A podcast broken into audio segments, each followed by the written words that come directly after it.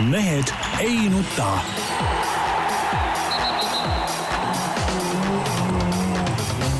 mehed ei nuta. selle eest, et mehed ei nutaks, kannab hoolt Unibet, mängijatelt mängijatele. tere teisipäeva, kell on üksteist, Mehed ei nuta eetris siinsamas Delfis suurepärases stuudios Tarmo Paju pelgalt Delfist, tervist! Peep Pahv Delfist ja Eesti Päevalehest, veidikene kõrgema kraadiga vend. ja Jaan Martinson siis Delfist, Eesti Päevalehest ja igalt poolt. eriti kõrge kraadiga mees. kõrge ja noh, jah. jah, nii, no leidis, leidis mingi skeemi enda jaoks praegu siin no,. puterdades, puterdades küll, aga, aga leidis. nii poliitikast on rääkida. no noh, nii, on küll tegelikult, ma ei tea, meil oli siin tunnike tagasi Peebuga koosolekul ka juttu sellest just, aga isegi ilma selleta. tulin täna tööle, võtsin selle lehe ka kaasa isegi, sa tead, Peep, millest ma räägin, eks ole.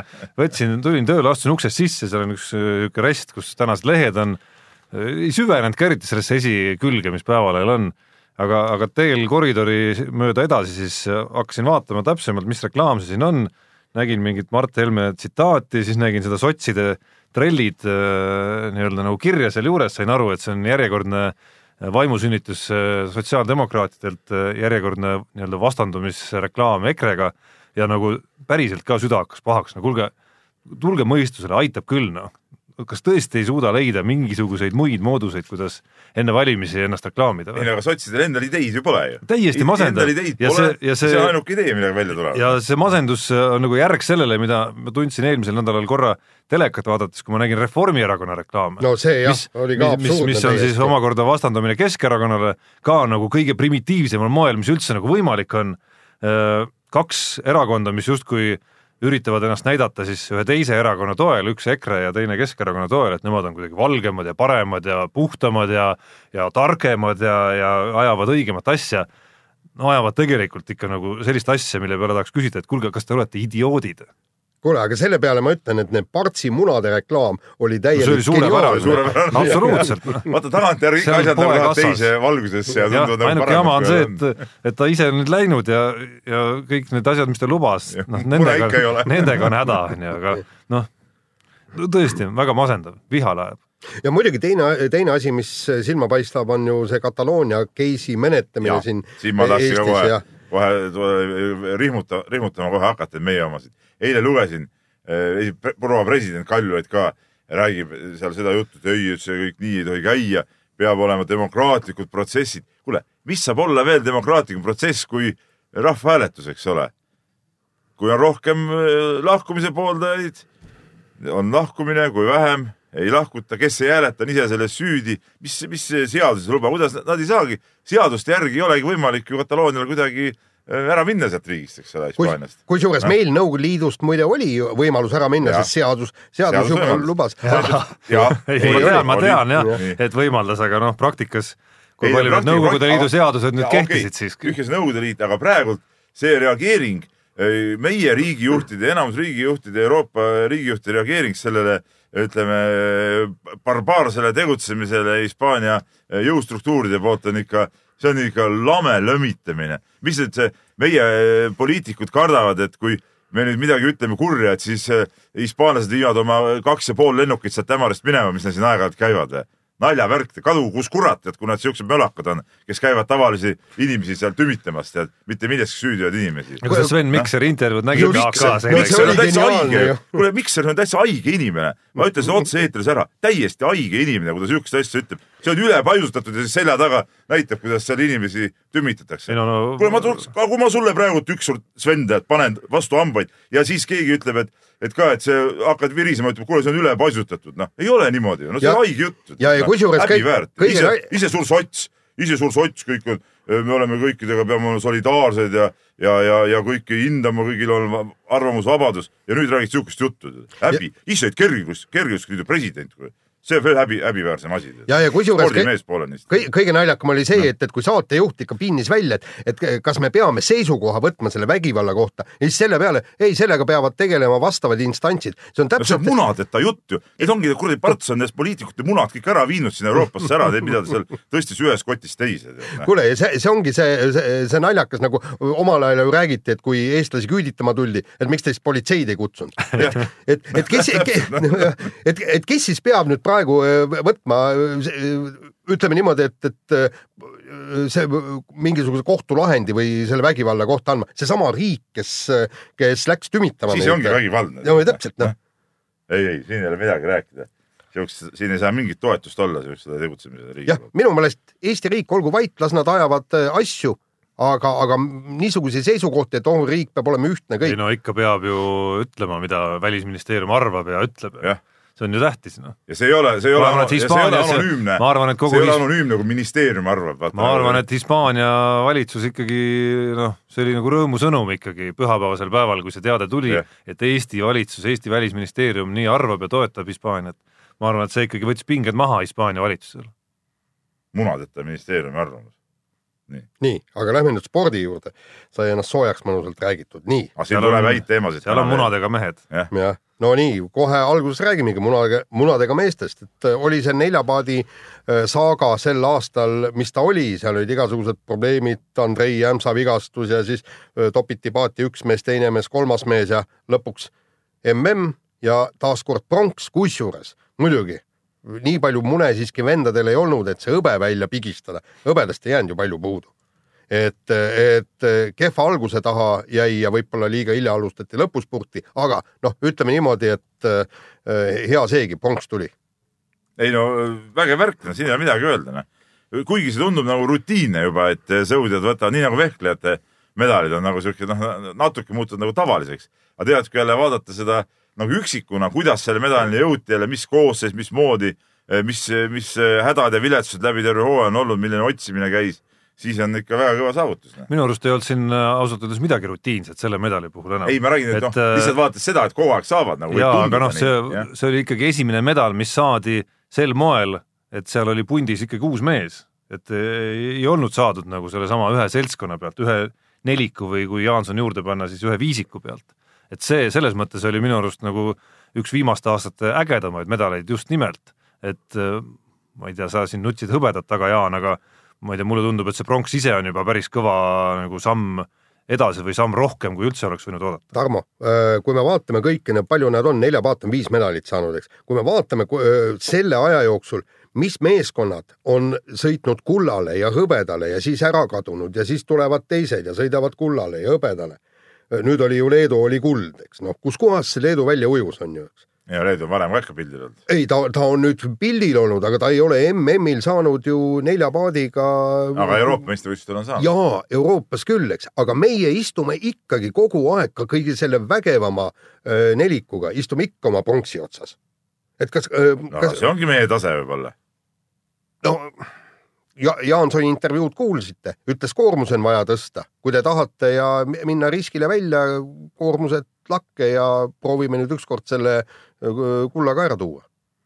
noh, ja teine asi, kui siin räägitakse, räägitakse sellest, et me ei saa kuidagi nagu kahte paati kokku, et justkui kuus meest on, aga aga ükskõik mis variandid siin neli pluss kaks mehi jaga, jagades omavahel, et et kuidagi kahte paati nagu liikuma ei saa, siis noh, ega see põhjus on ju ka väga lihtne, et äh, sealt alt nüüd needsamad Kuslapid ja ja Andersonid ei ole nagu noh, piisavalt kõvasti ikkagi nagu peale tulnud, on ju.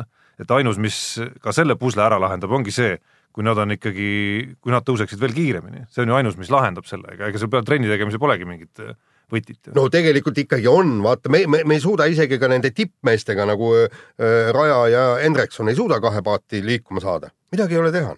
No seal ei ole võib-olla ka trennis küsimus, seal on Jah. mingid, mingid No sobivustes ja, ja just, ja nendes just, asjades, et et nii nagu, nii nagu Tõnu Hendrikson, ülikõva mees, ei suuda ühe paati sõita, eks ole no.. mis nagu tundub, tundub nagu nonsenss tegelikult, aga, aga elu on seda näidanud ju. ei tule välja niimoodi. just.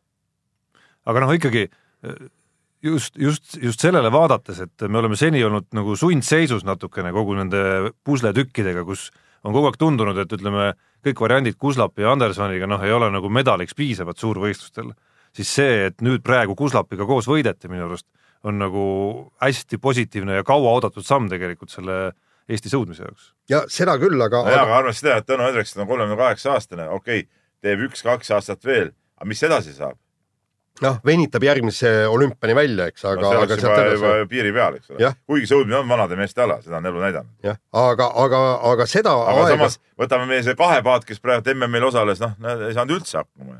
jah, ja, ja, ja mäletame neid ammuseid aegu, kui meil mingi kaheksane isegi oli, veel mõned aastad tagasi. järgmine asi, see oli lähme, noorte kaheksa. lähme no sealt, see ei saavutanud küll midagi. jah, aga, aga ja aga, aga mehed, tehke trenni ja proovige sinna ne- neljasesse jõuda. mäletate neid kaugeid aegu, kui olid Šiilinid, Kuulovid ja, ja, ja meil oli ikkagi see palett oli mä- märgatavalt laiem. noh, nii ja naa, ega ta nüüd nagu kõige teravamas tipus jällegi ei olnud, noh, lõpuks. ei no kus kohas see oli, Ateenas oli, mis nad said, neljanda või viienda koha, jah. neljanda koha, Jah, jah vist, ja, ja, ja kahepaat oli hõbedal.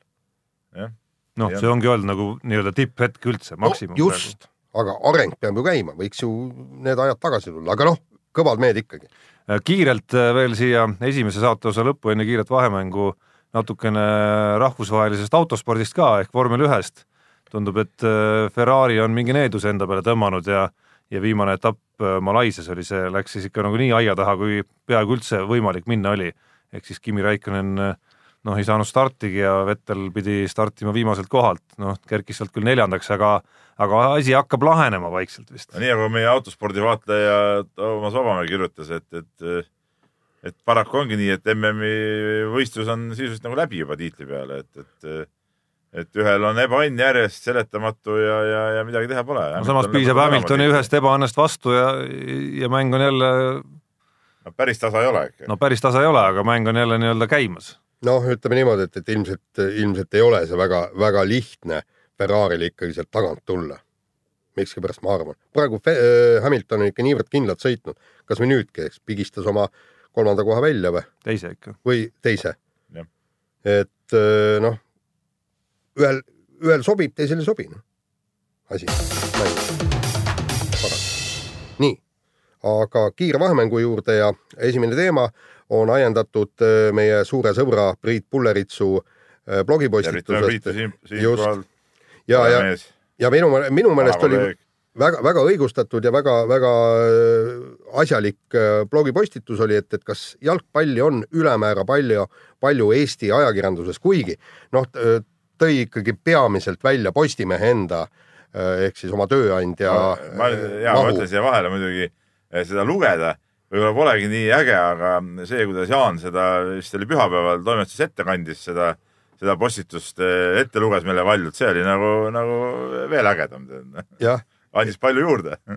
noh, ütle, sellest ma osa küll kahjuks ei saanud, ei aga sa võid nüüd äh, kuidagi nagu taasesitada seda meie mul seda te teksti, teksti ei olnud ees, aga, aga, aga tõesti, kui, kui ta kirjutab, et, et me räägime, täidame lehepindu, leheküljesed lood, pooleleheküljesed lood, tõesti välismaa klubidest, mis ei ole maailma mõistes mitte keegi. Ja, ja kirjutame ja täidame seda lehte, okei okay,, eestlased võib-olla mängivad seal noh, seal Hollandi tšempionaadil ja kõik ja siis ta väga irooniliselt ütleb, et no kallid inimesed, keda ta huvitab, siiski ta öö, laulis kiitust ka natuke Postimehele, ütles, et jumal tänatud, et Eesti meistrivõistlustest ei kirjutata. vastukaaluks oli esmaspäevases Postimehes muidugi aknalugu Eesti tšempionaadist. ei no see selleks, me nüüd nagu, nagu kirume natuke siin konkurente, ütleme meil endal võib-olla see jalgpalli osakaal nii suur ei ole, aga, aga, aga, aga mulle tundub ka, et, et, et äh, nagu Eesti ei ole nii suur jalgpallimaa, et me peaks võtma siin eeskuju, ma ei tea, võib-olla siin mõned tõesti siin, ma ei tea, Itaalia või,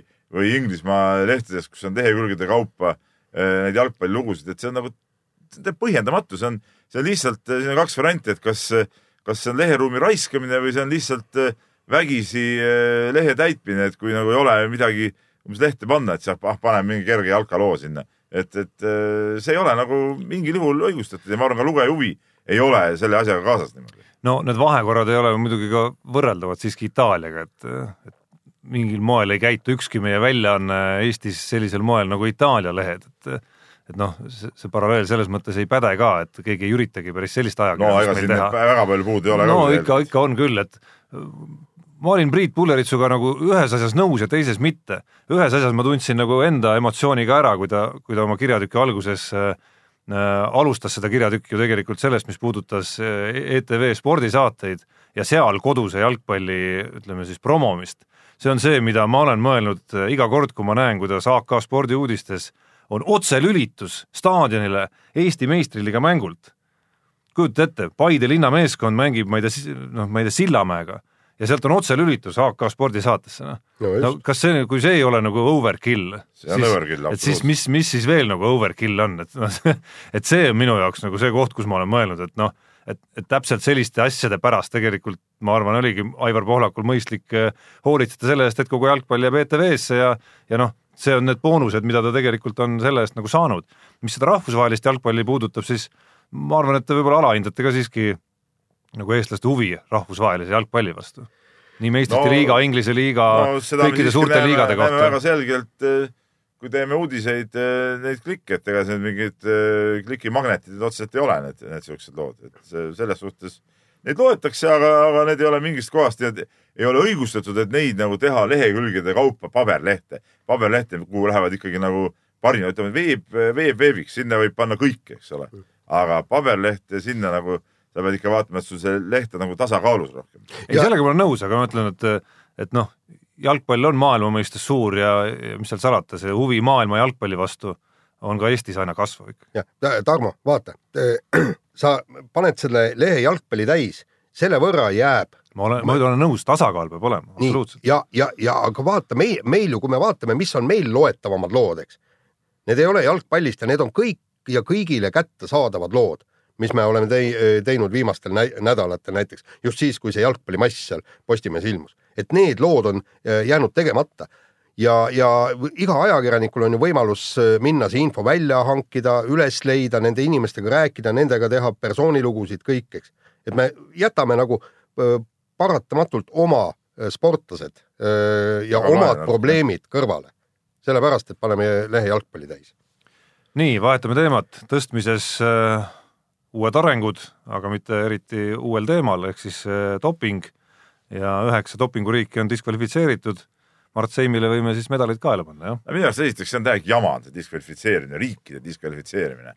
seda, seda ma rääkisin siis, kui, kui äh, oli see olümpia ajal see venelaste vastane rünnak ja, ja ütlen ka nüüd, et okei okay,, jah, kui seal on palju dopingupatuseid, mis siis, võtame proove rohkem sealt ja neid ei lase lihtsalt peale ja, ja ongi kõik, kes on vahele jäänud ja, ja, ja seal karmimad reeglid võtta. aga et jätta üldse mingid riigid kõrvale, noh, see, see on nagu jabur. Kuidas sa, kuidas sa tagad siis sellega seda, et seal mõni puhas sportlane ei jää, ei jää võistlusõigusest ilma?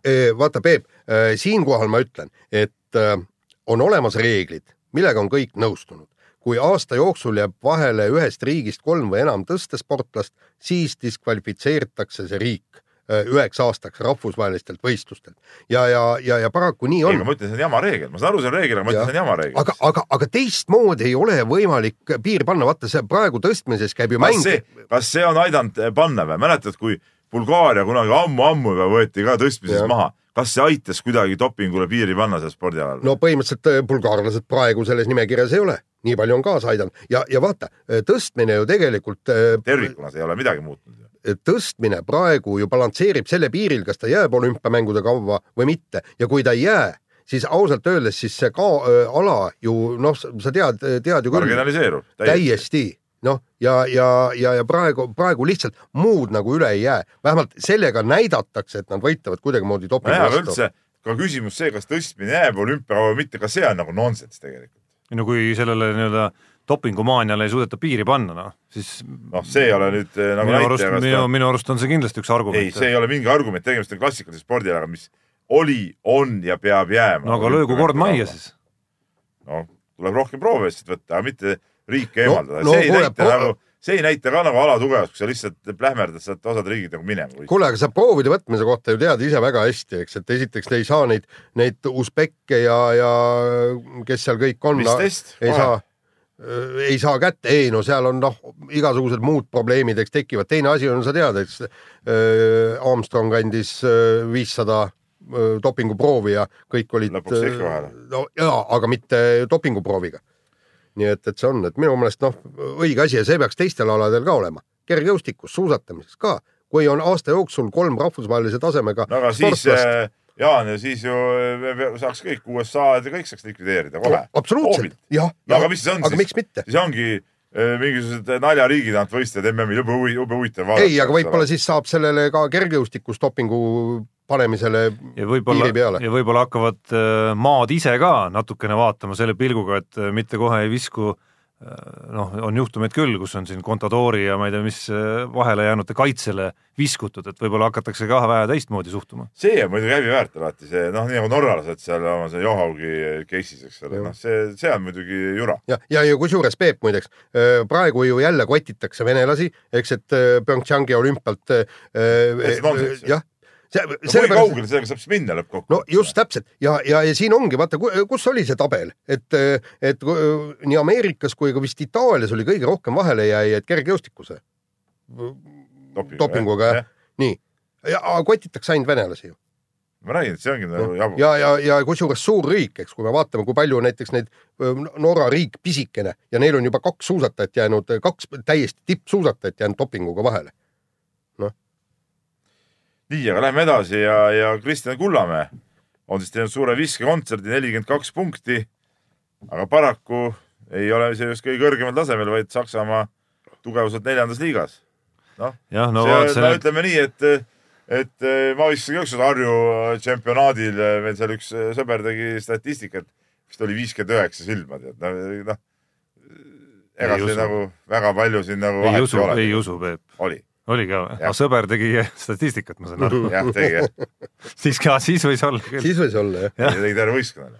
ei, ma saan aru jah. see ta vastab tõele, aga ma ütlen, et noh, tegelikult äh, No ma vaatasin, Peep, see on tore uudis, aga seda ei ole mõtet nagu üles. ja, ja ma vaatasin siin kuulsas korvpalli Facebooki grupis juba valiti Kristjan Kullamäe nädala tegijaks ja vahetati taustapilt grupis Kristjan Kullamäe pi- pildi vastu, et et noh, see on nagu naeruväärne et. oh, hold your horses, nagu öeldakse. jah, aga, aga no samas jälle, eks, eks me teame, kuidas see klikimeedia ju äh, töötab, eks meil oli vaja klikke ei saada no noh, uudis on okei okay,, aga, aga Ei, sellest aga- ei maksa teha nagu mingeid eh, suuri järeldusi, ma saan aru, kui ta saaks nüüd nagu päris võistkonda ka korra mängima, noh, ja Ja kasvõi seal, ma ei tea, kümme minutit näiteks mänguaega, siis, siis ma oleks selle üle rõõmus, kui ta viskaks seal kaks punkti, see oleks kõvem asi, kui see nelikümmend kaks punkti neljandas jah, liigas. Peep, aga, aga uudise pealkiri oli ju, tegi visk-, kontserti ja. Jah. ja ei olnud kirjas, et Saksamaa neljandas liigas. see klikk on jumal, no klikk on jumal sellest. me kuuleme ka hiljem veel kirjade rubriigis.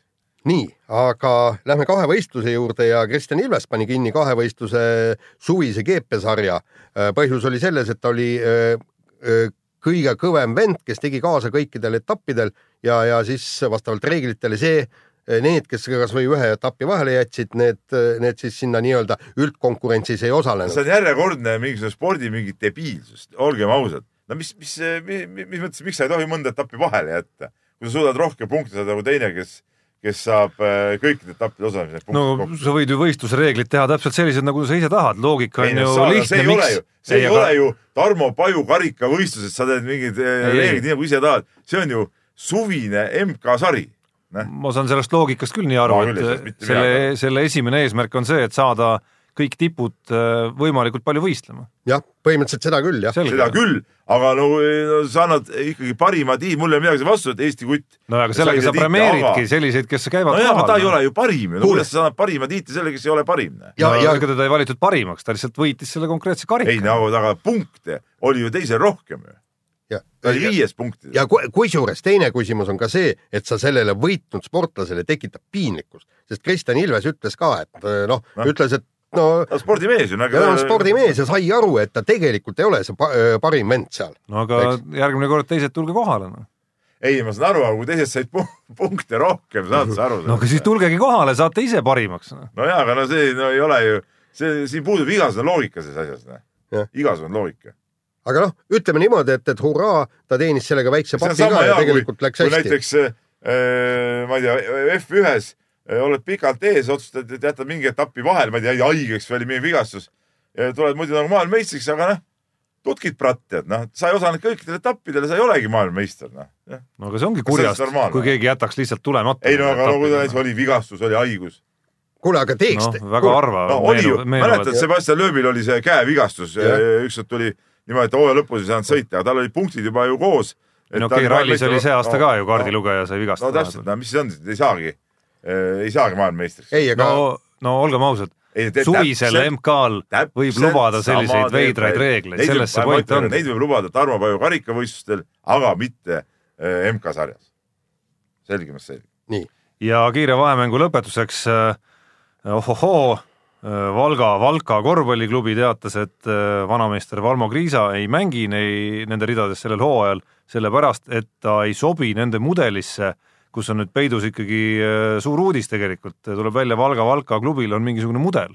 jah, ei, sa oled asjata irooniline. ei ole, see iroonia ei ole üldse, minu jaoks oli see uudis. see oli, ei mis mõttes uudis, seda kirjutasin ise juba äh, selle, et, et Kriisat eriti taheti juba kaks nädalat tagasi tegelikult äh, oma leheloos ja seal oli ka selgelt öeldud, peatreeneri nägemus on mängida hästi kiiret korvpalli, tal on oma, temale anti võimalus komplekteerida meeskond täpselt nii, nagu ta tahab. Ja ma saan täiesti aru, et ta ei taha väga vana meest sinna võistkonda, sest olgem ausad, Valmo Kriisa eh, on küll äge vend ja, ja oli vanasti ka siuke jooksumees ja kõik, aga eh, ta sellele mängutempole ja võib-olla ka sellele võib-olla hästi kiirele rünnakule jääb juba natuke jalgu, no midagi teha ei ole.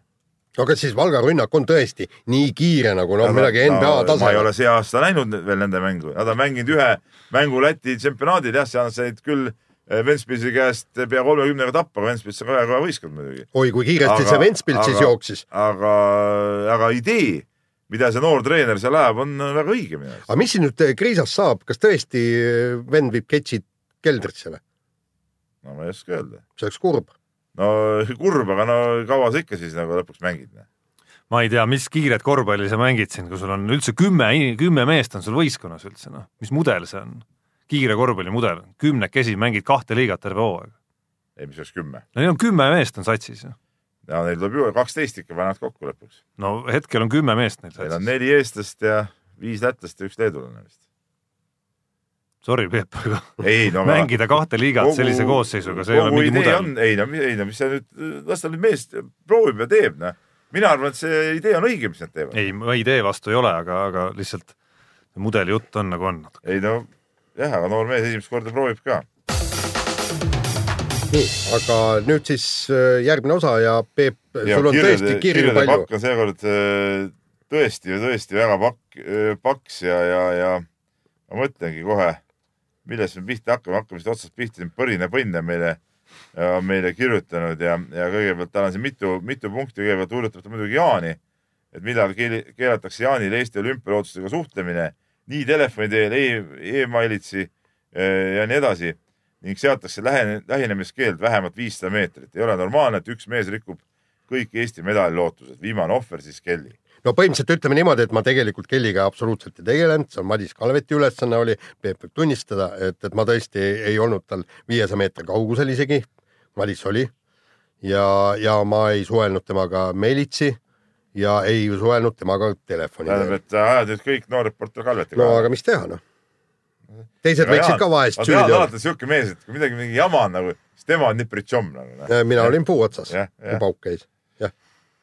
nii, aga Põrine Põnn küsib, küsib ka korvpalli kohta ühe küsimuse ja ma ei tea, kas sa, Tarmo, oskad talle vastata, mul nagu selle mäluga on nagu on ja praegu meelde ei tule, ta siin eh, toob välja, et kõva statistiline näide korvpallis on eh, kaksikduubel ja väga kõva kolmikduubel, aga aga teadupärast olemas ka nelik- ja viisikduublid ja küsib, et kas me oskame ütelda, kas mõnes kõvemas sarjas, on see Euroliiga, EM, MM või kasvõi Eesti meistriliiga, on kunagi nelik- või viisikduublini jõutud.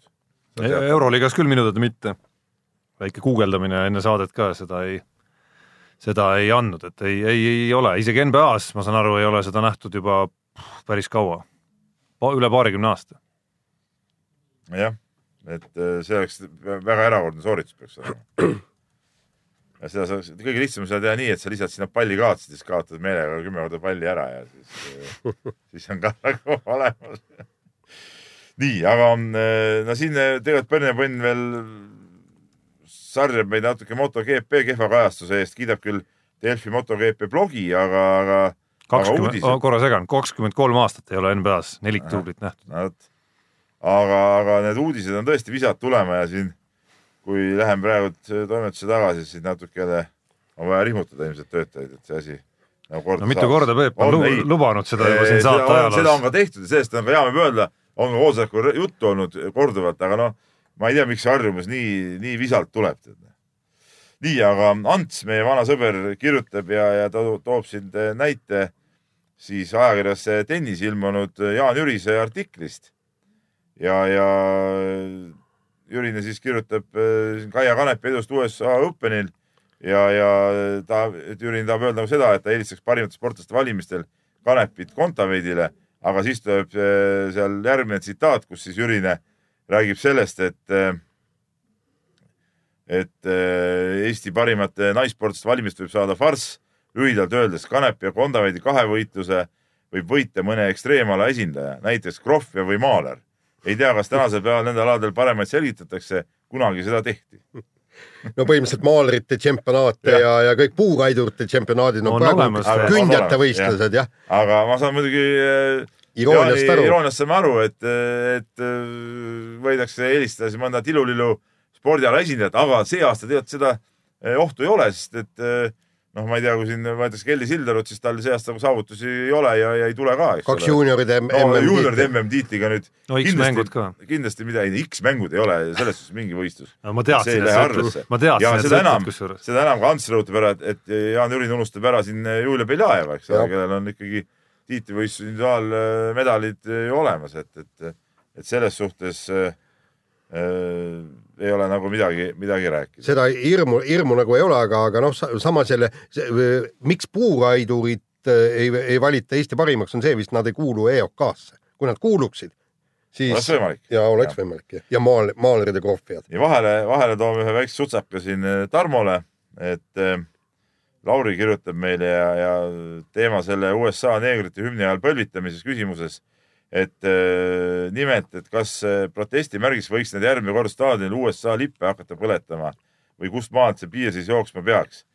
et kui sa ikka riigi hümni ja lippu ei austa, siis eh, sul ei ole see riigiga, siis sul on see riigiga mingi probleem. Nonii, kus sinu jaoks see piir jookseb? ütlen sulle veel kord ja kuulajatele ka sellel žestil ei ole mingisugust pistmist sellega, et need inimesed ei austa USA lippu ega hümni, mitte mingisugust. kust on võetud, et see sümbol seda tähistab, ma ei saa sellest aru. ja Peep, sest hümni ajal seistakse püsti, see ongi väga lihtne no sama hästi ma võin öelda, et põlvitamine on veel ülim austus kui ei, ei püsti selge, see, nad just spetsiaalselt muidugi ei seisa püsti, näidates selle. selge, aga see ei ole protest ja mitte USA lipu mitte austamine või hümni mitte austamine. ei no on hea, seda no kuuskümmend kaheksa olümpiamängud Mehhikos, mäletate, kui see oli see sokiskandaal, tulid musta kindaga, pöörasid selja ja siis selle mustas kindas või mustas sokis käe lipu poole, noh, see oli täpselt sama, et nad ei ole rahul Ameerika Ühendriikidega. jaa, aga see ei tähenda hümni mitte austamist, noh, te ikka ajate kaks asja sassi ei jää. Siin on, sa jääd. Ma saan aru, et kogu- kõiki ja, ja muid- õnneks, õnneks ka lugejad saavad arstidest aru nii nagu meie. jaa, ma saan aru, et ühte kirja muidugi, mis seda teemat puudutab, sa ei kavatse üldse et puudutada, jah? kirju on siin palju, aga ma mingit muud kirja sel teemal ausalt ei ole näinud. nii, aga lähme nüüd edasi, lähme nüüd edasi, nii. Alar kirjutab meile, kõige asjalikumat kirja neist sel teemal isegi. millal see tuli, ma ei ole seda see näinud. tuli meile umbes viiskümmend seitse minutit pärast eelmist saadet. nii kaugel ma ei vaadanudki, hiljaks jäänud. nii, aga lähme edasi ja nüüd eh, Kristjan Ilvese saavutus on taas eh, siin orbiidis selles kirjas ja, ja tere mehed, et kuidas kommenteerite enda kolleegi noorreporter Kalveti kirjutatud artikli pealkirja valikut? pealkiri selline. Eesti olümpialootus Kristjan Ilves tunnistati maailma parimaks kahevõistlejaks. no et pealkirja järgi siis nähtub nagu isegi päris Kelly Sildaru eelmajäämist pole meie olümpiakoondise häda midagi, et meil on selge, selge olümpiaala maailma parim mees olemas. no aga Aga, aga, aga, aga ta aga- ongi, ta, ta ongi sel hetkel maailma parim, noh. oli õige, ta oli Jah. suvise MK-sarja põhjal maailma parim kahevõistleja. et me ei saa siin nagu noorreporter Kalvetit kuidagi hukka mõista. et, et äh, klikk on oluline, nii ma lubasin öelda ka eetris välja. Et äh, siin äh, selle ei tohi nagu mingeid lollusi teha, aga siin nagu ei saa öelda, et midagi sisuline vale oleks pealkirjas. no eks ta on vähe üle võlli, Peep, mis sa, mis sa nüüd, mis sa nüüd noh, klikk on oluline ja ja teisest küljest äh, on see pealkiri sa täpselt ütlesid, et see oli maailma parim, sa ise just ennem kui me seda teemat alustasime, ütlesid, et, ei kusjuures ei öelnud, ma ei öelnud, Sa sa jälle sa jälle täiesti valesti väidad, mida ma olen öelnud. Ma ütlesin, et ta võitis selle konkreetse sarja, mille No. reeglid olid sellised no nagu nad olid. maailma Mis karikasari ei ja see ongi selle selle hooaja maailma parim. see ei olnud maailma parima kahevõistluse Ei, valimine see oli suvine sari, suvise hooaja maailma parim see oli suvise MK-sarja võitja, suvi, no MK-sari seal ei ole kirjas. et kui sa tuled Ei. maailmameistriks, tähendab, kas sa, sa oled ju ma- maailmameistrivõistluste võitja, kas sa ei ole sel hetkel maailma parim või? kumb siis on maailma parim, kas maailma karikasarja võitja või ei, ei, maailmameister? kui on maailmameister, siis tuleb see, kes võidab, on siis parem. ega selge see, et, et ta ei ole talvise. ei no selle loogika Sarja. järgi on see, kes võitnud parasjagu maailma- viimase MK-etapi, hoopis see on maailma Ei, parim ei ole mitte etappi, me räägime siin terve sarja võit. sari, jah, see, kes võidab ei. MK-sarja, mis see MK-sari see on, see ongi läbi hooaja kestva maailma parima sportlase selgitamine. esiteks ma täpsustan, see on veel suvine MK-sari mis, mis ei tee sind maailma parimaks kahevõistlejaks, kui sa no selle ära võidad. maa, mingi sa valemiga oled. suvel maailma parim kahevõistleja. aga mis ma, mis ma, mis pealkirja puudutab, siis noh, Peep võib kinnitada, et eks meil on siin nendel klikiteemadel isegi olnud äh, vaidlusi või noh, vaidlusi on vale sõna, aga on olnud äh, arutelu varemgi. Ja üks konkreetne juhtum, kus, kus ma ütleme noh, pahanen vale sõna, aga kus ma nagu äh, ei olnud nõus, et siin väga kliki peale välja mindi ja seda tegid korraga, kusjuures äh, nii Peebu alluvad meie sporditoimetusest kui ka, kui ka Postimehe omad oli see hetk, kui Kelly Sildaru vigastuse tõsidus sai selgeks. Ja, ja mõlemad väljaanded pealkirjastasid selle uudise ja saatsid ka telefonidele uudissõnumid laiali pealkirjaga, et eh, nii-öelda selgus Kelly Sildaru vigastus või noh, mingi sellise pealkirjaga, mis tegelikult ei öelnud ära, mis siis nagu tegelikult asi oli, on ju, selge eesmärgiga, et siis nii-öelda see klikk sealt ikkagi tuleks, et ma arvan, et me võiks vähem teha seda, jah. nii, aga kirjade rubriigi lõpetuseks lihtsalt eh, tegelikult eh, ka õige, et siin oma saates ka peame natuke ennast parandama, et eh, meie käest, et miks me eelmises saates ei kajastanud sõnagi Jüri Vipsi meistriks tulekut F4 sarjas. et kui tihti siis ikka eestlane üleüldse, mis spordiala, ükskõik mis sarja meistriks tuleb, muuseas meil oli ennist just eh, hea kolleeg Ivar Jurtsekuga seal ka toimetuses väike eh, no mitte vaidlus, vaid, vaid arutelu, et kas F4 võit on maailmameistritiitel näiteks, Tarmo. Saksamaa F4 on nii ja naa, eks ju. noh, kas see teeb ta parimaks, maailma parimaks morvelisõitjaks äkki? see teeb, ei, see teeb ta maailma parimaks eh, vormel nelja, Saksamaa vormel nelja sõitjaks no.. noh, samamoodi eh, kui vähegi üldse tahta nõustuda selle pealkirjaga, peaks olema seal kirjas, et see tegi ta maailma parimaks suviseks kahevõistlejaks. no praegu ta ongi suvi, see on ju selge. ja kus see suvi sul on? on No sügis, et, aga. kus see suvi nüüd on? talve praegu ka ei ole. no see on täna, täna on ikka päris talv. mõned kirjad jäävad, ei no talvest asi kaugel üheksa kraadi on sooja Ja.. kui see on talv, siis, siis see on küll kole talv. et äh, aeg pressib peale, peame minema teemade juurde edasi. ei jõuagi ette võtta rohkem kirju. nii, ja räägime siis äh, just Kelly Sildarust. eelmisel sa-, eelmise saate ajal ei olnud veel täpselt teada, milline vigastus on, aga, aga nüüd on siis selgunud, et äh, et, et vigastus on tõsine, ristadsidem katki, parandati nüüd ära, tehti ka meniski kallal üht-teist operatsioone ja, ja siis võeti ka need pla-, plaadid nagu selgub välja, mis rangluu rangluust välja ja, ja ja noh, põhimõtteliselt noh, nagu eks me vist saates ka ütlesime välja, et, et no kui, kui asjad on nii, siis on nii, et tuleb see lõikus ära teha, aga noh, muidugi samas jälle ääretult kahju, et, et tal jääb olümpial võistlemata ja, ja noh, ükstapuha oleks ta mängudele peale saanud, oleks noh, võitnud kasvõi mingi medali ära, vot siis ongi vähemalt medal on taskus juba olemas, aga nüüd tuleb oodata neli aastat ja, ja teha kõik selleks, et nelja aasta jooksul mitte midagi ei juhtuks. nojah, siin ongi see küsimus, et eh, see on jah, meie ütleme, kui kõrvaltvaatajate jaoks on nagu, nagu võib-olla ka kurb, et meil nagu olümpialt ei olegi nagu eriti midagi oodata, eks ole, no võib-olla tõesti sama Kristjan Ilves, aga noh, tema puhul me ei saa rääkida siin medalist, vaid, vaid pigem eh, noh, ma ei tea, tuleb seal kaheksa piiri peale või esikümnesse või noh, see oleks juba, juba kõva asi, eks ole. rohkem meil midagi sellest olümpialt eh, oodata ei ole ja, ja selles suhtes tuleb meile noh, sarnaselt eh, Sotsiga üsna, üsna nukker see, see pilt, et Kelly oleks olnud see ainuke asi siis, millele kaasa elada. aga teisalt jälle noh, seegi see, kui vigastus, vigastus, siin nagu ei ole mõtet eh, lolli mängida ja, ja lasta lõhkuma hakata, nii nagu sai eelmine saade ka öeldud, et, et, et tuleb välja ravida ja, ja kõik vajalikud protseduurid ära teha, ehk siis on nagu nagu näha, mis tast saab, et, et küllap ta siis ikka tagasi tuleb. kusjuures ma ei tea, ma ei mäleta, kas me eelmises saates rääkisime, aga, aga üha, üha enam on mul praegu ikkagi peas see mõte, et et, et Kelly ümber peab ikkagi looma korraliku ti- tiimi, kus tal oleks äh, füsioterapeut, kes aitab füüsilise ettevalmistuse, kõik, ma, ma ei taha sellega öelda, et, et nüüd mille füüsilise taha jäi see füüsilise äh, nõrkus oleks olnud selle vigastuse põhjus, aga, aga igaks juhuks ole, no nii, aga me lugesime ka sealt artiklitest, eks ole, tegelikult see on ikkagi noorte tüdrukute sage trauma, et kuna neie see, nende see nelipealihased ja asjad ei ole nii välja arenenud, mis seda põlve nagu ikkagi paljuski ikkagi aitavad koos hoida, et, et siis need traumad on ka kergemad tulema, et see põlv on nagu, nagu pehme. noh, see nagu füsio pool nüüd muutub muidugi nagu eriti elutähtsaks, et et meenutades neid spordimehi, kes kas või Eestis on saanud siin ja kelle saanud sama vigastuse ja kes on pidanud selle taastumisprotsessi läbi tegema, siis siis meenuvad mulle vist olid need Andre Pärna sõnad, kes kes äh, on seda teinud mitu korda kusjuures, kes ikkagi rääkis väga selgelt, et ütleme, see opp ja see esimene nii-öelda osa sellest, noh, see on nagu köki-möki selle kõrval, mis ikkagi järgneb siis ja mis tööd tuleb siis hakata tegema, kui ülirutiinne ja üli sihuke keskendumist nõudev töö nagu. ja, ja nagu me mäletame, eks Kristiina Smiguni ümber oli korralik tiim, tal oli arst, tal oli määrdemees, kes oli sama, samas ka mass-, massöör ja kõik, kõik see no pluss veel treener ja, ja, ja, ja no psühholoog vajadusel ja kõik, et, et täpselt samasugune tiim oleks vaja luua ka Kelly ümber. lihtsalt elu on selline.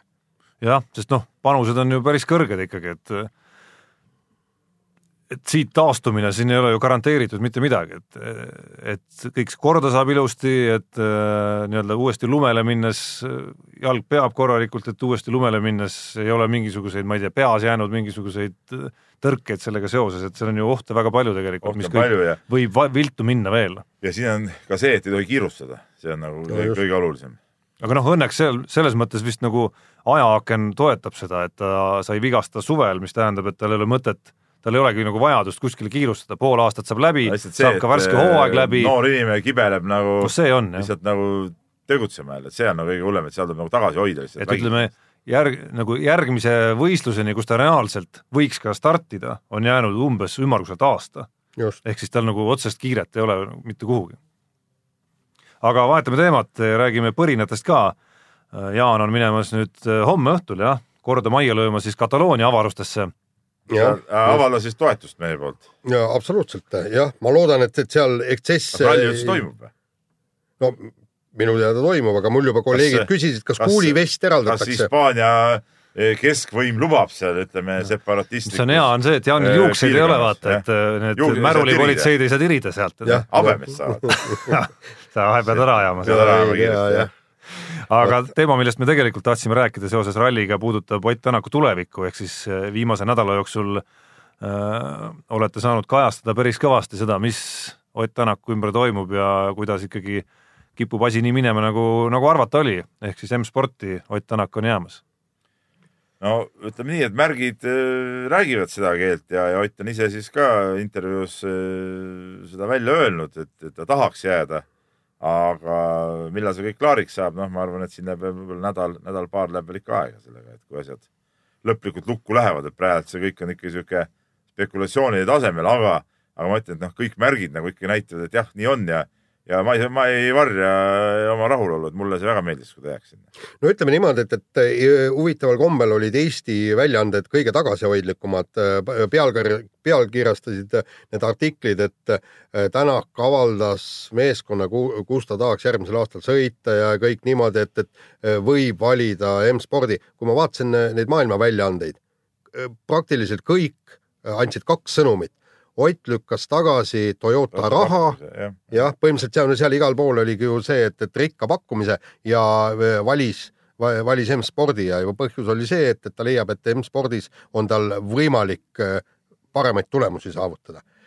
saab näha järgmine aasta, seda ei oska praegusel hetkel öelda, aga, aga nii palju on ka seal huvitavat, et äh, sealsamas nüüd prantslased kirjutasid, et suure tõenäosusega Sebastian Ogier äh, läheb ikka Citroeni ja, ja siis ongi äh, nii-öelda rallifännide märg äh, unelm täitunud. neli parimat rallisõitjat on neljas erinevas tiimis. no tundub ikkagi väga tark valik ju Oti puhul nagu igas mõttes, et üks on see, et järgmise aasta asju nagunii ei tea ette mitte keegi, et mismoodi mingid masinad töötavad. teine asi on see, et seda, et praegu talle seesama Ford sobib ja see tiim sobib, noh, see on nagu tõestatud, eks, võta natukene ebaõnne vähemaks ja ta oleks praegu tiitlikonkurentsis lausa. ehk, ehk et ei ole nagu mingisugust sellist noh, märki, mis ütleks, et, et ta peaks järgmisel aastal selle otsusega kuidagimoodi nagu halvas seisus olema.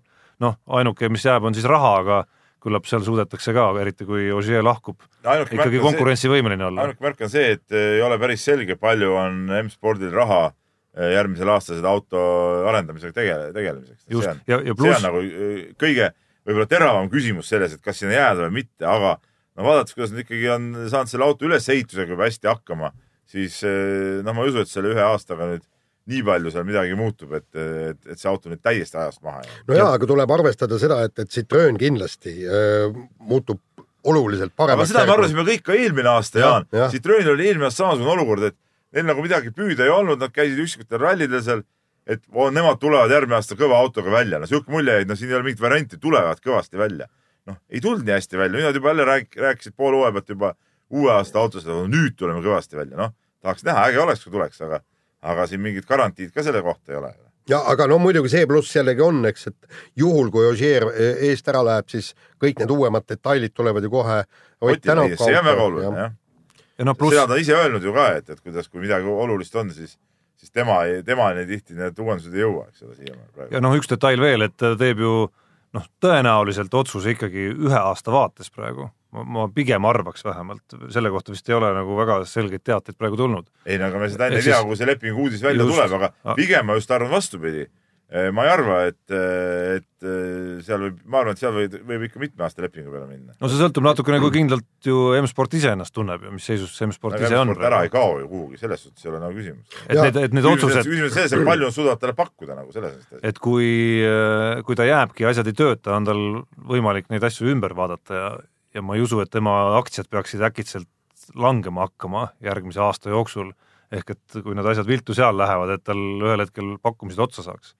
Tundub, et ta ei ole praegu nagu selle kaliibriga sõitja, keda selline asi ähvardaks. aga, aga no muidugi samas, samas kui me hakkame praegu vaatama, kuivõrd väga oleks Toyotal olnud vaja Ott Tänakut selleks, et võistelda maailmameistritiitli nimel kas või nii-öelda konstruktorite arvestuses.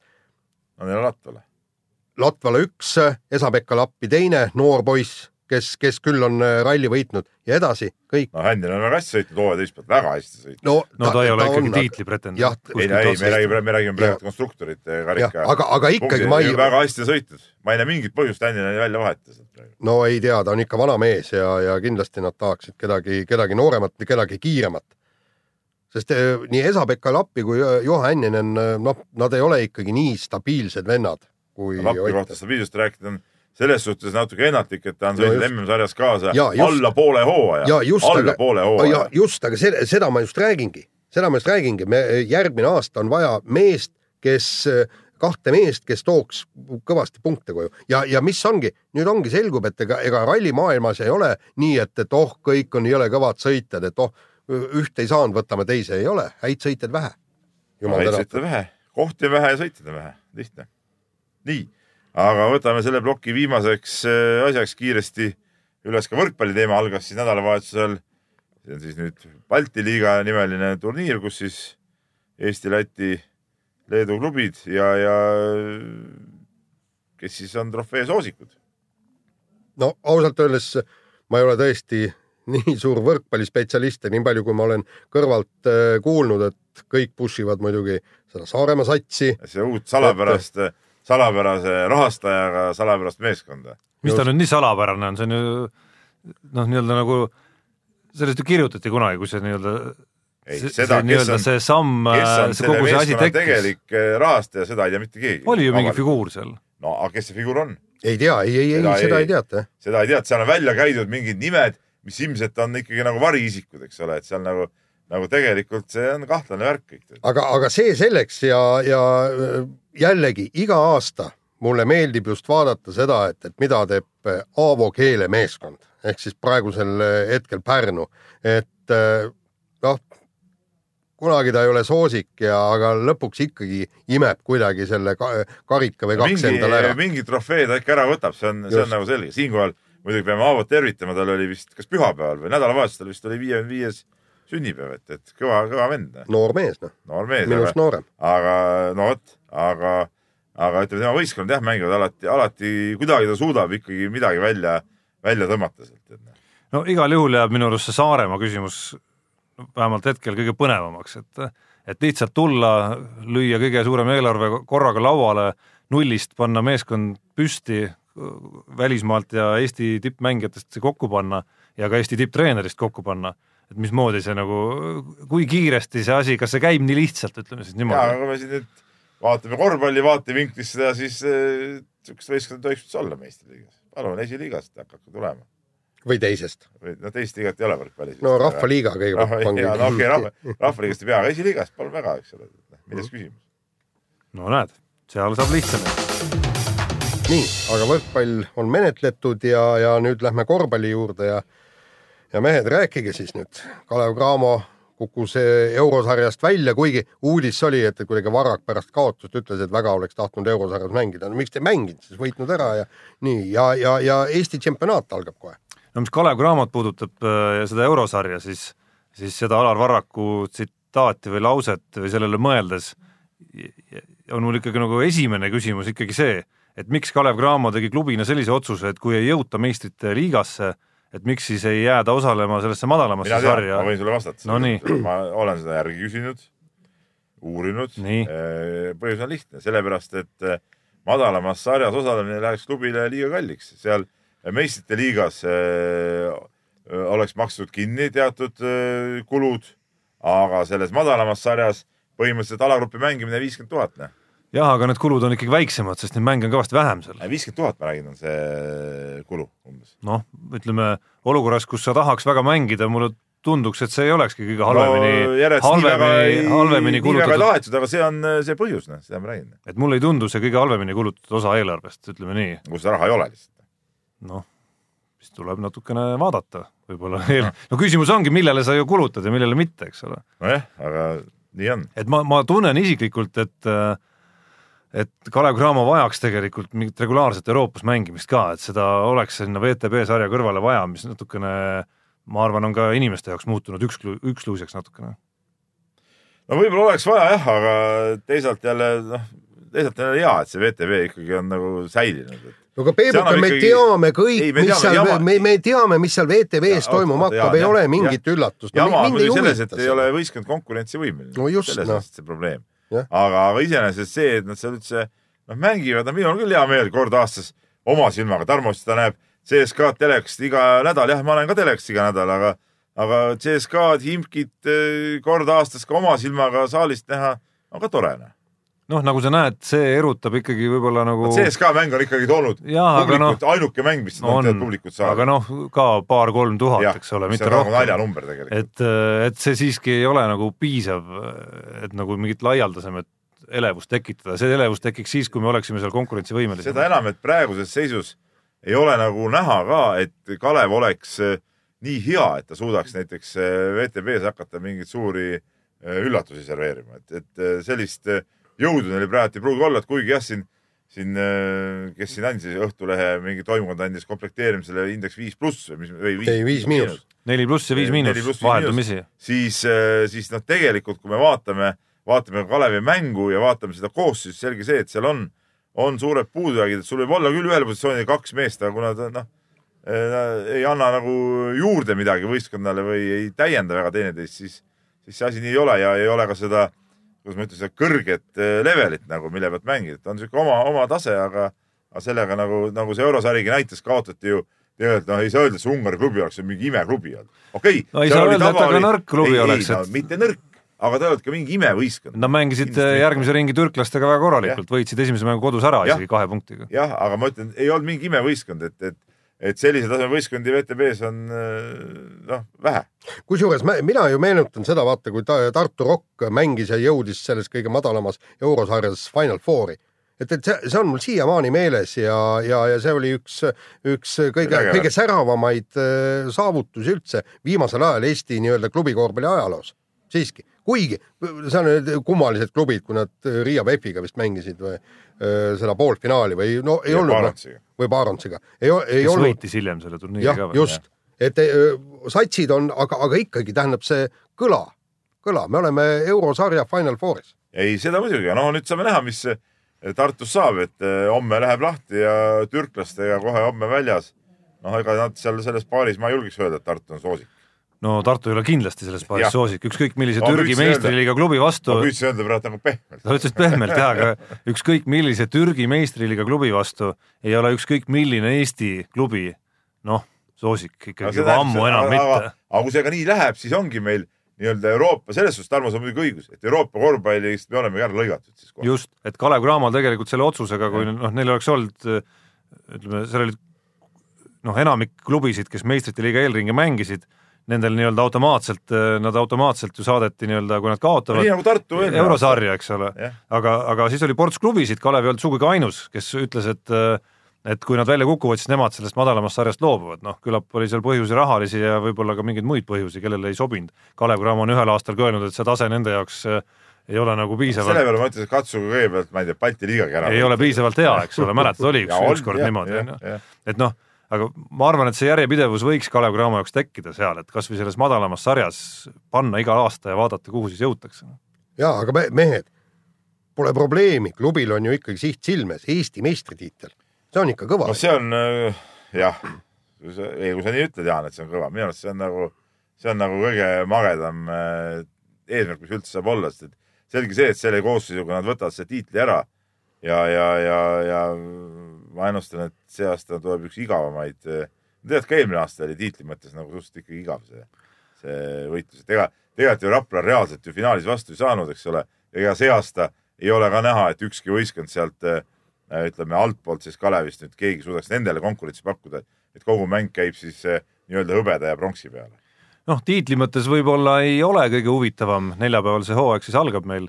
teisalt ütleme, huvi otsida, sa Peep kirjutasid ise ka siin paar päeva tagasi sellest, kuidas noh, ei olegi vahet, kes seal võidab ja kes seal kaotab, on ju, et vaid kõvem ja tähtsam on see, et kes sealt kuidagi esile hakkab kerkima mängijatest, et olukorras, kus eh, noh, nagu eelarved on võib-olla nagu pisut koomale tõmbunud, noh, mõnel klubil oli siin eh, lausa nagu olelusvõitlus, eks ole noh, on seda huvitavam võib-olla jälgida ja, ja seda No noortel on praegu võimalus seda rohkem esile. peaks seda, neid, neid noori mehi, kellel on mänguaeg kandikul sellel hooajal nüüd ees olemas, kas või sealsamas Tartus, kus noh, miks mitte siin no päris mitu U kaheksateist satsi tegijad sellel suvel, kes väga hästi mängisid sealsamal U kaheksateist EM-il, noh, neil on kandikul mänguaeg olemas seal, seesama Rosenthal või Hendrik Eelmäe kas või et, et see on minu arust isegi nagu huvitavam.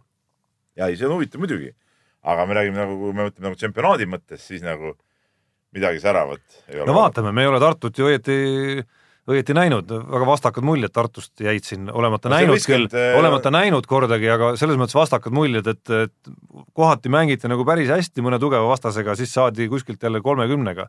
ja üks, mis muidugi silma hakkab, on see, et ka mängitakse sellist nagu kümne mehe koosseisuga enam-vähem. jaa, aga pikas jooksus see võistkond, ei no see on, see on kontrollmängud, ega päris mängudes ma ei usu, et see nii jääb, sest et see võistkonna koosseis on pikas jooksus ikka liiga õhuke.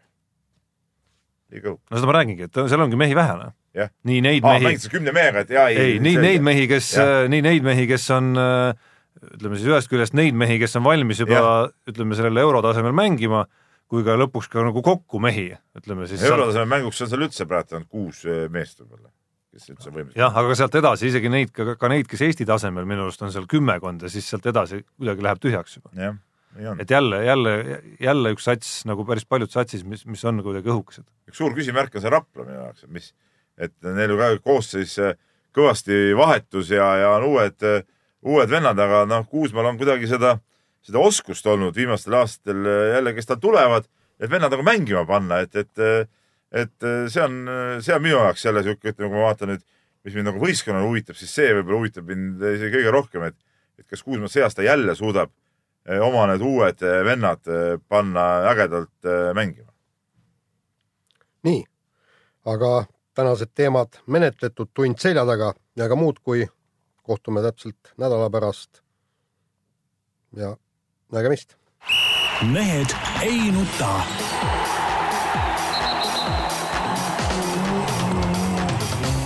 mehed ei nuta